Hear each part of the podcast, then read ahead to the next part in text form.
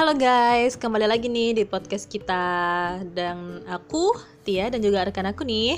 Halo, aku Arika.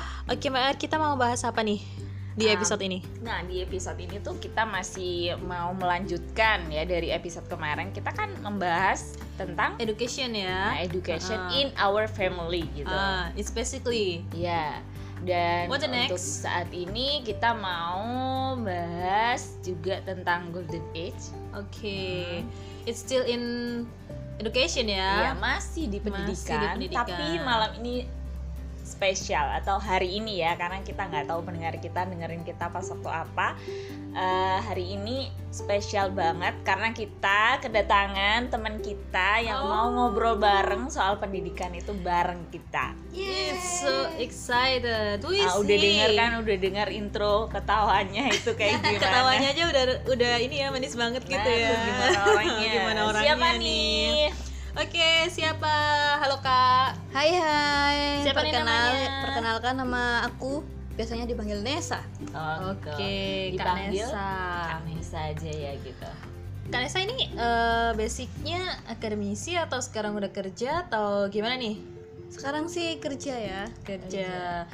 Tapi konsen gak sih ke pendidikan gitu terutama untuk yang dia under 10 Nah, masih years usia, old ya usia dini usia gitu. dini heeh. ya mungkin pernah menggeluti di bidang itu heeh, atau mungkin atau gimana atau mungkin hanya mem- memperhatikan mungkin ya gitu Iya, mungkin perhatikan kali ya. memperhatikan ha. Hmm. nah kalau kemarin itu eh, kak kita membahasnya di Golden Age 5 ke bawah ya jadi bawah. pentingnya itu eh, di, keluarga, Di keluarga. gimana menanamkan pentingnya pendidikan dan mengarahkan anak itu gimana biar ke depannya nah habis lima tahun nih biasanya kan anak dimasukkan ke ke taman kanak-kanak gitu ya lebih enak itu Oh taman iya, lima masih lima, taman kanak-kanak sorry. Mm-mm. bener Sekarang masih harus tujuh kalau masuk SD Iya ya. bener Dulu aku lima ya? tahun ya iya masuk aku enam tahun sih TK. dulu. Nah. Sekarang nggak bisa harus tujuh tahun. Nah ini nah kalau dulu di di di desa aku aku itu ya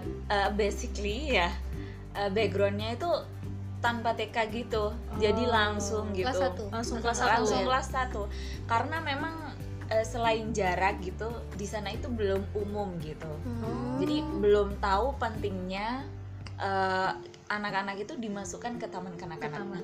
Menurut eh, teman-teman nih, apa sih pentingnya eh, anak usia dini itu dimasukkan ke taman kanak-kanak?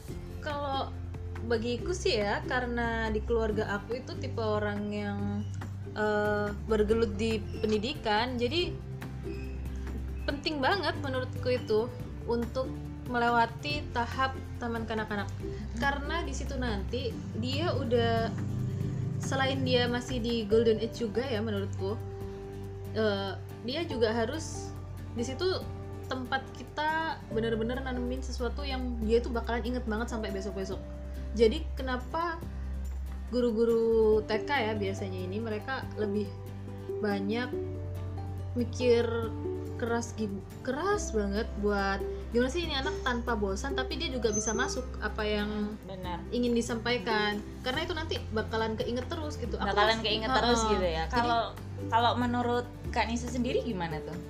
Sebetulnya itu sangat-sangat penting sih Iya. karena salah satu pembentukan karakter seorang anak sendiri Benar sih, gitu. ha.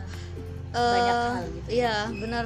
Yang selain itu kita juga harus menanamkan pendidikan agama kepada anak sedini mungkin agar dia tahu mana batasan yang harus dia lakukan dan mana batasan yang tidak boleh dia lakukan seperti itu sih. Iya. Penanaman akhlak itu juga penting Mm-mm, dari penting dari banget. sekolah selain dari orang tua Iya. karena eh, bukan eh, apa ya bukan meragukan kemampuan orang tua untuk mendidik anak tapi kan dari sekolah itu bisa bahu membahu gitu sama orang tua untuk memberikan pendidikan yang lebih baik kepada anak. Iya, betul betul. sekali. Mm. Soalnya tipe anak tuh emang beda-beda kan. Ada yang dia benar. pendiam, ada yang pemberani, Betul, ada yang betul. penakut. Nah, untuk mengubah sisi negatif dari anak tersebut, kita juga harus menanamkan sedini mungkin bahwa dia tuh harus jadi seperti ini, jadi Iya, seperti jadi, itu gitu. Eh, kalau dari ini ya kayak kita itu me- apa ya memacu sel-sel Iya, motoriknya iya, gitu betul. biar juga keberanian dia gitu Mm-mm, bener biar kita itu uh, bisa melihat dia itu sebenarnya bakatnya di mana Iya, minatnya betul. di mana gitu Iya. ya aku masih inget banget sih dulu itu eh, ada adalah salah satu guru TK aku itu yang mengajarkan aku tuh keliru dan sampai sekarang tuh akhirnya aku inget-inget itu Inget aku banget gitu inget banget itu, sam- ha-ha. dan itu mas bahkan sampai sekarang pun di usiaku yang Sudah eh, 20-an ke 20-an atas, ke atas ya At- aku masih sering salah itu tahu apa Apa? perbedaan huruf F sama V Ham- bahkan sampai sekarang itu aku masih sedikit sulit membedakan antara F sama V itu karena pas waktu dulu guruku itu salah mengajarkannya nah dan makanya akhirnya Kak, di usia- itu iya. sampai sekarang bayangkan di usia-usia itu kan kayak apa kemampuan mengingat itu sangat tinggi, Ah, ah, ah, bener sangat banget. tinggi. Jadi pasti ada satu momen di masa kecil kita kita pasti akan mengingat Ingat itu kan. itu. Makanya kalau menurut aku sih ya ini dan kebanyakan beberapa perguruan tinggi di Indonesia itu sudah membuka pendidikan eh, anak usia dini Mm-mm. PG PAUD dan PG juga PGTA ya. PGTK kan. Nah, menurut aku di situ itu penting banget loh. Dan kalau misalnya beberapa orang yang memilih jurusan itu, prodi itu, aku harap kalian itu benar-benar mengoptimalkan gitu mengoptimalkan bukan milih jurusan itu hanya cuma sekedar ah milih ini aja biar gampang biar ini karena dia banyak main-main atau ya. gimana Iya. aduh please itu kayak mindset itu ilangin deh karena apa kalian tuh bakalan membentuk suatu pribadi anak loh Nah, itu Iya. mempersiapkan pendidikan sedini mungkin ah, gitu. Kalau kata Pak Habibie begitu. Oh. Jadi guru PGTK, PG PAUD itu benar-benar berjasa gitu. banget ah. ha-ha. Pasti buktinya Mbak Tia sendiri masih ingat masih kan?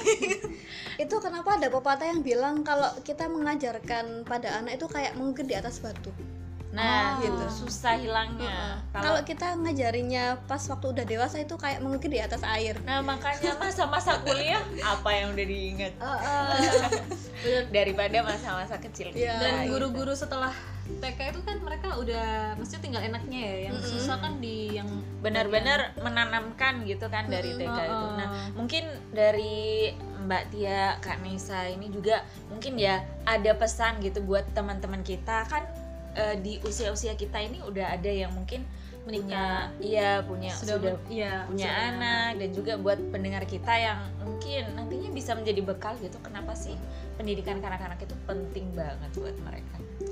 Oh, Oke, Kak Kak Nesa Nesa dulu dulu deh. ya yang seperti yang saya sebutkan tadi karena kita perlu membentuk karakter seorang anak.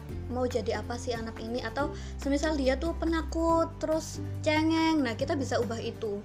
Supaya di- dia bisa jadi seseorang yang lebih baik dan bisa bersosial kepada masyarakat dengan baik juga sih. Terus menanamkan akhlak dan juga nilai-nilai agama sedini mungkin. Sebenarnya banyak sekali ya banyak sekali. di taman kanak-kanak itu. Ya saya mikirnya juga seperti itu tadi ya.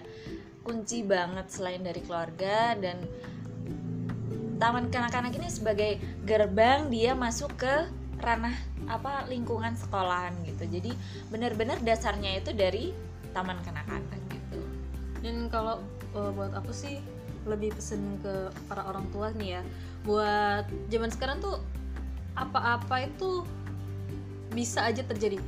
Entah itu negatif, entah itu positif. Maksudnya uh, apa pun itu banyak sekali hal yang terjadi. Termasuk sekarang kan banyak tuh kasus-kasus yang guru TK yang ya bisa dibilang melanggar beberapa etika kurang memberikan contoh yang Iya, baik mungkin jadi ya. kita sebagai orang tua juga harus pilih harus benar-benar memastikan menempatkan anak kita itu di tempat taman kanak-kanak yang baik baik itu bukan bukan diukur dari seberapa mahal tempat itu tapi Hmm.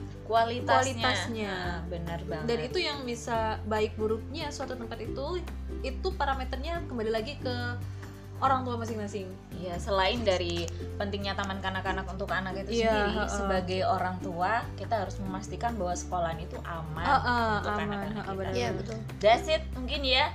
Dan makasih buat Kak Nesa Oke, untuk thank you. sharing-sharingnya gitu ya. I Dan- think enough for this podcast We say bye-bye. Bye-bye.